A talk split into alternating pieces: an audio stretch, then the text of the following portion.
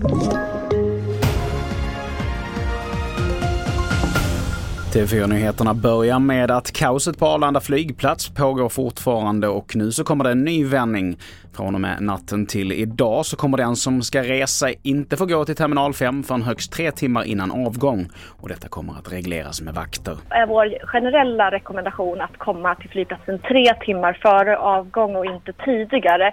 Och det är just för att hindra onödigt trängsel och, och, och långa köer just för att man kommer alldeles för tidigt. Så det är inte nödvändigt. Och i inslaget så hörde vi Ellen Laurin som är pressekreterare på SAS. Och vi fortsätter med att inför sommaren så är det bemanningskris inom hemtjänsten på många håll runt om i landet. Flera kommuner larmar om svårigheterna att hitta vikarier och det kommer att leda till en försämrad service för de sjuka och äldre. En av kommunerna är Orust på västkusten. Varje dag när vi kommer så vet vi ju inte om vi går en man kort eller om det är två man kort.